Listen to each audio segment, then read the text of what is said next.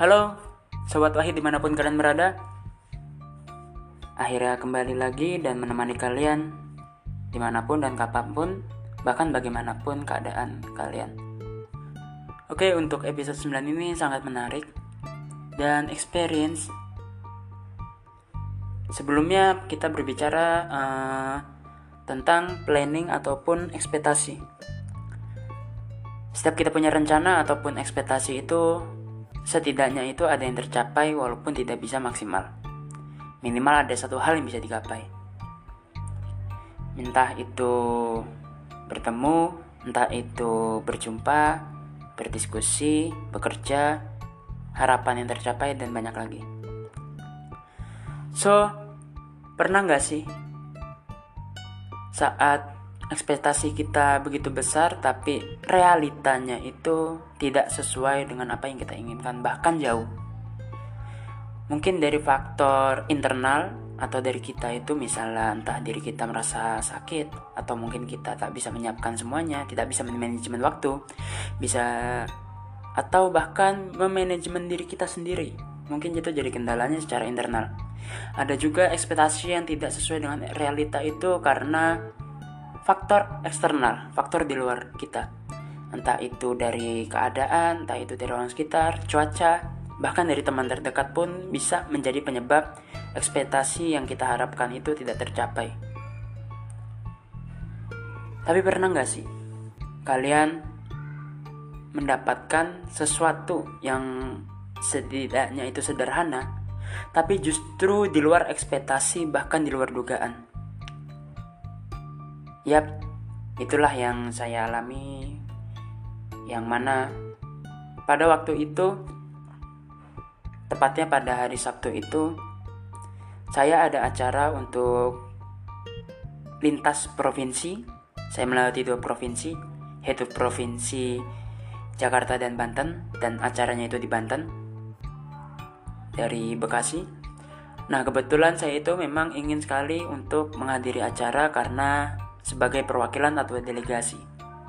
Keren banget bahasanya ya, delegasi. Ya, karena juga terpaksa, tidak terpaksa juga sih. Karena membantulah sebagai perwakilan mau tidak mau saya harus menghadiri acara tersebut. Oke, acara tersebut memang agak molor, tapi berjalan sesuai dengan keinginan para hadirin. Ya, untuk acara tersebut ya membahas suatu permasalahan yang di mana ada perdebatan, di mana logika dan argumentatif itu bermain dengan berimbang. Kita memakai pikiran kita, menganalisa, mendeskripsikan, bahkan menjelaskan permasalahan yang ingin kita jawab, disertakan dengan argumentatif, yaitu dari naskah itu sendiri, dan mau tidak mau harus balance antara logika dan argumentatifnya itu. Ada yang bisa memikir secara logika tapi tak mampu secara argumentatif. Ada yang bisa berargumentatif tapi tak bisa berlogika. Ini yang sering terjadi dalam diskusi ataupun perdebatan. Oke, dalam perdebatan itu memang jalannya sangat panjang, bisa saya bilang begitu, karena ada dua permasalahan yang harus diselesaikan. Mungkin untuk permasalahan pertama itu sempat terjadi perbenturan antara golongan A, golongan B, bahkan terjadi benturan itu sebanyak 7 golongan. Hingga akhirnya sang penentu atau hakim itu membuat keputusan. Sebelum hakim membuat keputusan itu uh, bisa dibilang itu pengarah. Pengarah itu membuat uh, memperjelas permasalahan ini mau dibawa ke mana hingga akhirnya pengarah memberikan kesempatan pada hakim yang mana kesempatan itu difokuskan pada satu permasalahan. Sebab kenapa? Ya karena permasalahannya satu soal, tetapi jawabannya itu terlalu semerawut, bisa dikatakan seperti itu. Ya bagaimana tidak? Misalkan ditanya bagaimana cara menuju Jakarta, tapi yang dijelaskan itu kendaraannya terus ongkosnya, terus juga waktunya, terus dan macam-macam. Padahal yang ditanya itu ke Jakarta jalur pakai apa? Mungkin kita bisa mengatakan bisa pakai KRL. Satu, bisa juga naik bis, dua, atau kendaraan lainnya. kendaraan pribadi pun mungkin bisa tapi justru yang dipermasalahkan itu tidak memahami persoalan itu yang sangat disayangkan sering banget seseorang bisa yang namanya menjawab tapi tak bisa namanya memahami persoalan itu sendiri akhirnya sempat ngawur sang pengarah akhirnya memberikan satu garis lurus agar permasalahan itu konsentrasi. Nah, saat hakim juga menyepakati bahkan memberi keputusan untuk membahas secara A misalnya. Nah, para perumus pun dan peserta itu bahkan sempat kebingungan. Ini arahnya mau ke mana? Hingga akhirnya ya bisa dibilang untuk pembahasan pertama itu para musyawarah itu AFK kayak main di Mobile Legend aja karena argumentatif yang mereka siapkan itu ternyata tidak sesuai dengan keputusan pengarah dan hakim hingga akhirnya hakim yang memutuskan seperti itu setelah berlanjut setelah permasalahan pertama kelar permasalahan kedua ini yang sangat menarik di mana saya sendiri yang merasakan yang awalnya hanya memberi pertanyaan tapi dipaksa untuk memberi tanggapan juga kalau penilaian saya itu moderator terlalu apa namanya? Belum memahami namanya alur pembagian permasalahan. Itu menurut saya sendiri. Karena kenapa? Ya kita lihat sendiri saja. Yang mana memberi tanggapan atau memberi pertanyaan itu beda jauh. Yang harusnya pertanyaan itu dijawab terlebih dahulu tapi malah justru kita yang memberi tanggapan atau jawaban. Kita harus menanyakan itu kepada pihak terkait atau instansi terkait, tapi justru kita harus memberi tanggapan.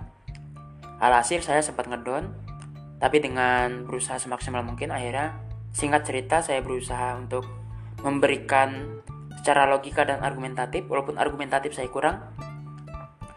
Hingga akhirnya hakim memberi keputusan yang mana saya jawab itu belum matang, tapi hakim berpihak kepada saya bisa dibilang hoki, kata teman saya yang saya ajak itu. Nah, acara pertama selesai, saya akhirnya ke rumah teman saya, teman baik, yang mana berdomisili di Tangerang Selatan, tepatnya di Ciputat, yang di mana di situ tempat sarang para teman-teman saya itu banyak juga di sana. Dan juga ada adik-adik kelas mungkin yang karena saya belum kenal, mungkin atmosfernya saya masih belum tahu Nah, berjalannya waktu di hari Minggu itu menyempatkan waktu ke perpusnas. Ada teman dari daerah Bekasi, Tambun tepatnya. Saya diajak teman saya ya karena sebelumnya saya mengajak teman saya dan saya pun memberikan kesempatan untuk teman saya mengajak saya ke perpusnas untuk melakukan pencarian referensi. Teman saya ini sempat gondok lah yang saya ajak ini karena ada kesempatan untuk mencari referensi justru tidak dimanfaatkan sebaik mungkin semaksimal mungkin. Gondoknya ini ya sebagai bentuk kepedulian, karena setiap orang itu punya caranya tersendiri untuk peduli kepada sesamanya. Oke, saat di perpusnas itu dilakukan atau perjalanannya mungkin selama satu jam lebih lah. Karena pada saat itu saya naik dari Pondok Ranji menuju Tanah Abang, itu kereta KRL udah kayak tren tubusan. Itu film Korea yang menceritakan tentang zombie. Sumpah itu penuh banget. KRL dipenuhi nama emak-emak. Sampai saya mendengarkan obrolan ini ibu mau ke mana? Oh ini mau ke tanah abang. Iya kenapa? Mau beli baju? Ya iya sama beli baju soalnya takut lebaran pada penuh nggak sempet bahkan takut keganggu. Sumpah bener itu. Nggak pernah kebayang gitu. Bener-bener kayak kerasa tren tubusan beneran. Kereta penuh dari arah Pondok Raji ke Tanah Abang, berdempet-dempetan sampai hampir tidak bisa masuk. Tapi saya dan teman saya bisa memaksakan untuk masuk. Oke, pas keluar dari Tanah Abang, bur. Bener-bener kayak suasana tren tubusan lah. Zombie pada keluar gitu, umpamanya seperti itu. Semua pada berdempet-dempetan, bergencet-gencetan, sampai petugas pun kewalahan.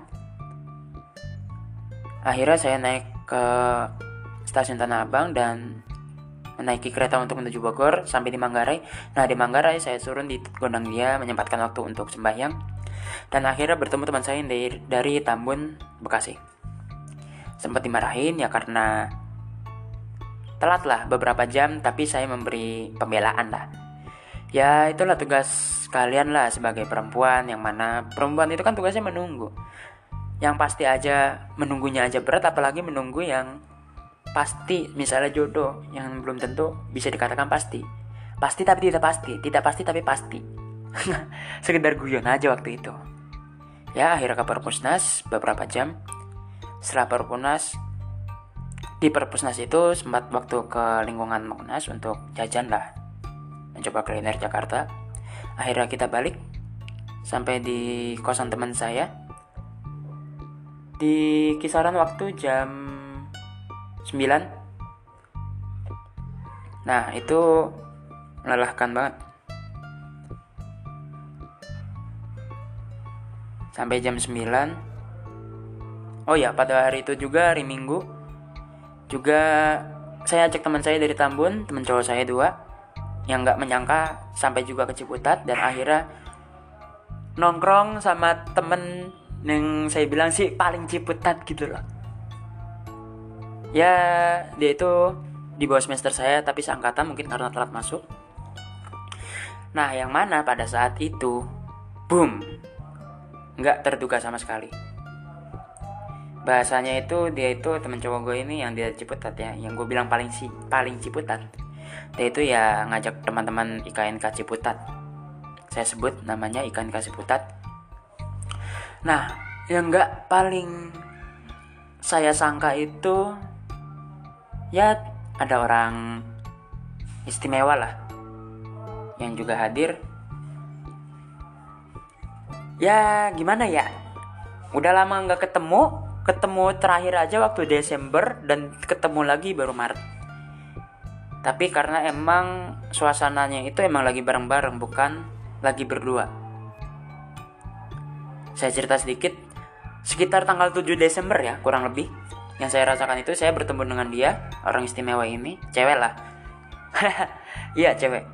Saya bertemu dia ya karena emang ingin jalan berdua keliling kampus Ciputat bersenang-senang dan bermain-main di sana ya jalan sekitar dia itu seperti pemandu wisata lah yang suka menemani yang suka ajak jalan lah gitu karena dia juga kebetulan kangen gitulah orang kangen gimana sih biasanya diobatinnya itu dengan cara bertemu. Walaupun habis bertemu itu juga kangen lagi dengan caranya masing-masing.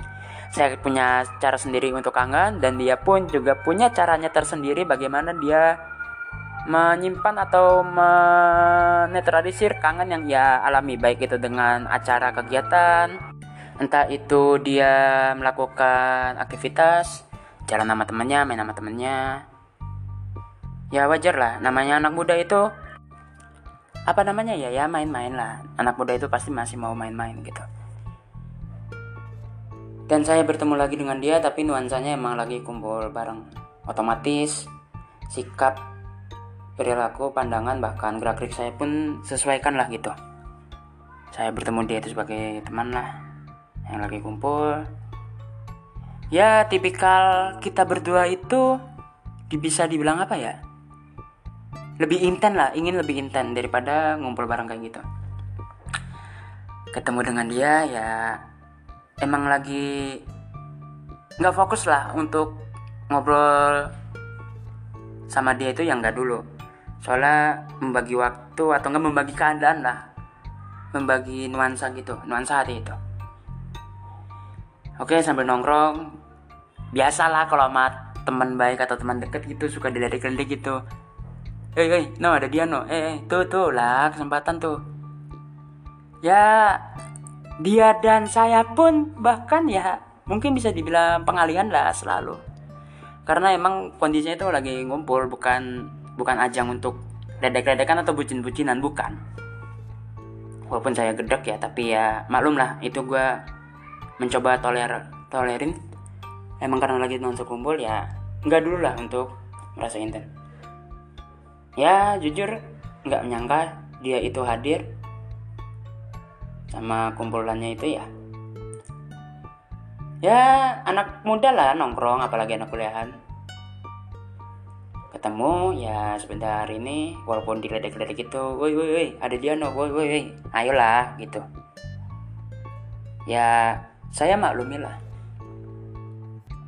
Tapi sih ya bisa dibilang bersyukur banget dah. Anugerah dari Tuhan bisa ketemu lagi walaupun momennya mungkin kurang pas. Dan tak terduga sangat tak terduga boom. Gimana sih rasanya yang ekspektasinya itu ya paling teman-teman. Cowok aja niatnya nggak taunya. Ada temen cewek adik kelas dan dia orang istimewa pun juga hadir. Dah lah. Nikmati aja dulu lah. Itu prinsip saya yang tetap pegang teguh. Dan dia punya juga prinsip ya jalani aja dulu. Ya dalam artian tidak mau yang namanya mengekang lah. Karena kita punya kesibukan masing-masing, punya keperluan masing-masing. Jangan sampai sekedar keinginan untuk bertemu atau senang sebentar doang ya. Sampai yang namanya itu melupakan kewajiban yang harus dipenuhi. Itu yang saya nggak mau. Di mana keinginan justru jadi prioritas yang mengalahkan kewajiban, bahkan kebutuhan. Itu prinsip yang saya sendiri nggak suka. Mungkin dia juga begitu. untuk orang istimewa ini ya sehat-sehat terus lah untuk di sana Oke, pas malam Senin itu selesai sampai jam 2 dini hari, balik ke kosan, bangun pagi, nunggu teman, dan akhirnya saya pulang ke Bekasi. Oke, untuk episode ini temanya hal yang tak terduga, atau simpelnya tak terduga sama sekali antara happy fun, bingung, uh, malu lah pastilah, sambil mengalihkan pembicaraan. Oke, itu buat pembelajaran buat kalian lah, gimana menyesuaikan kondisi kalian, nuansa hati kalian. Ya, emang sih, sesuatu yang paling dalam itu bukan hanya lautan doang, tapi hati yang paling terdalam itu menyimpan suatu perasaan. Oke, untuk episode 9 ini saya rasa cukup. Dan sebagai penutup di season pertama kita yang mana saya berbagi hal apa yang saya bisa kepada kalian semua dan kalian bisa menikmati video eh bukan video podcast saya setiap episodenya. Sorry ya tipe. Uh, untuk season selanjutnya kita akan bertemu lagi di season 2 di lain waktu Buat kalian yang ingin menunggu sambil mendengarkan episode-episode saya dari episode 1 sampai episode terakhir ini di 9 di season 1 ini. Nanti kita akan berbincang lagi, akan ngobrol lagi dan mengekspresikan apa yang kami rasakan dan mungkin kalian ikut merasakan juga. So, jangan pernah bosan, walaupun bosan itu relatif ya. Kadang datang tiba-tiba dan di nuansa yang tidak tepat. Oke, sampai jumpa di lain waktu. Dan untuk kalian semua yang akan menyambut bulan Ramadan, kita sama-sama menyambut bulan puasa. Selamat menunaikan puasa dan selamat menjalankan ibadahnya dengan maksimal. Semoga puasa kalian tuntas selama sebulan penuh, kecuali anak perempuan ya, karena dia ada haid atau nifas. Semangat untuk puasa dan semoga kita di lebaran nanti bisa merasakan yang namanya mudik. Balas dendam lah setelah 2 tahun menunggu akhirnya kesampaian kalian tahu sendiri lah merasakan menunggu itu gimana rasanya itu Oke, selamat bulan puasa dan sampai jumpa di episode selanjutnya, di season selanjutnya. Dan mungkin untuk lebaran nanti selamat hari raya Idul Fitri. Mohon maaf lahir dan batin. Persiapkan diri kalian untuk yang menunaikan puasa dan bagi yang non muslim Semoga kita senantiasa dalam perlindungan Tuhan Yang Maha Esa. Jangan pernah bosan, tetap dengarkan podcast kami yang sekarang menjadi only wahid. Hanya wahid saja. Oke, sampai jumpa. See you next time. To all.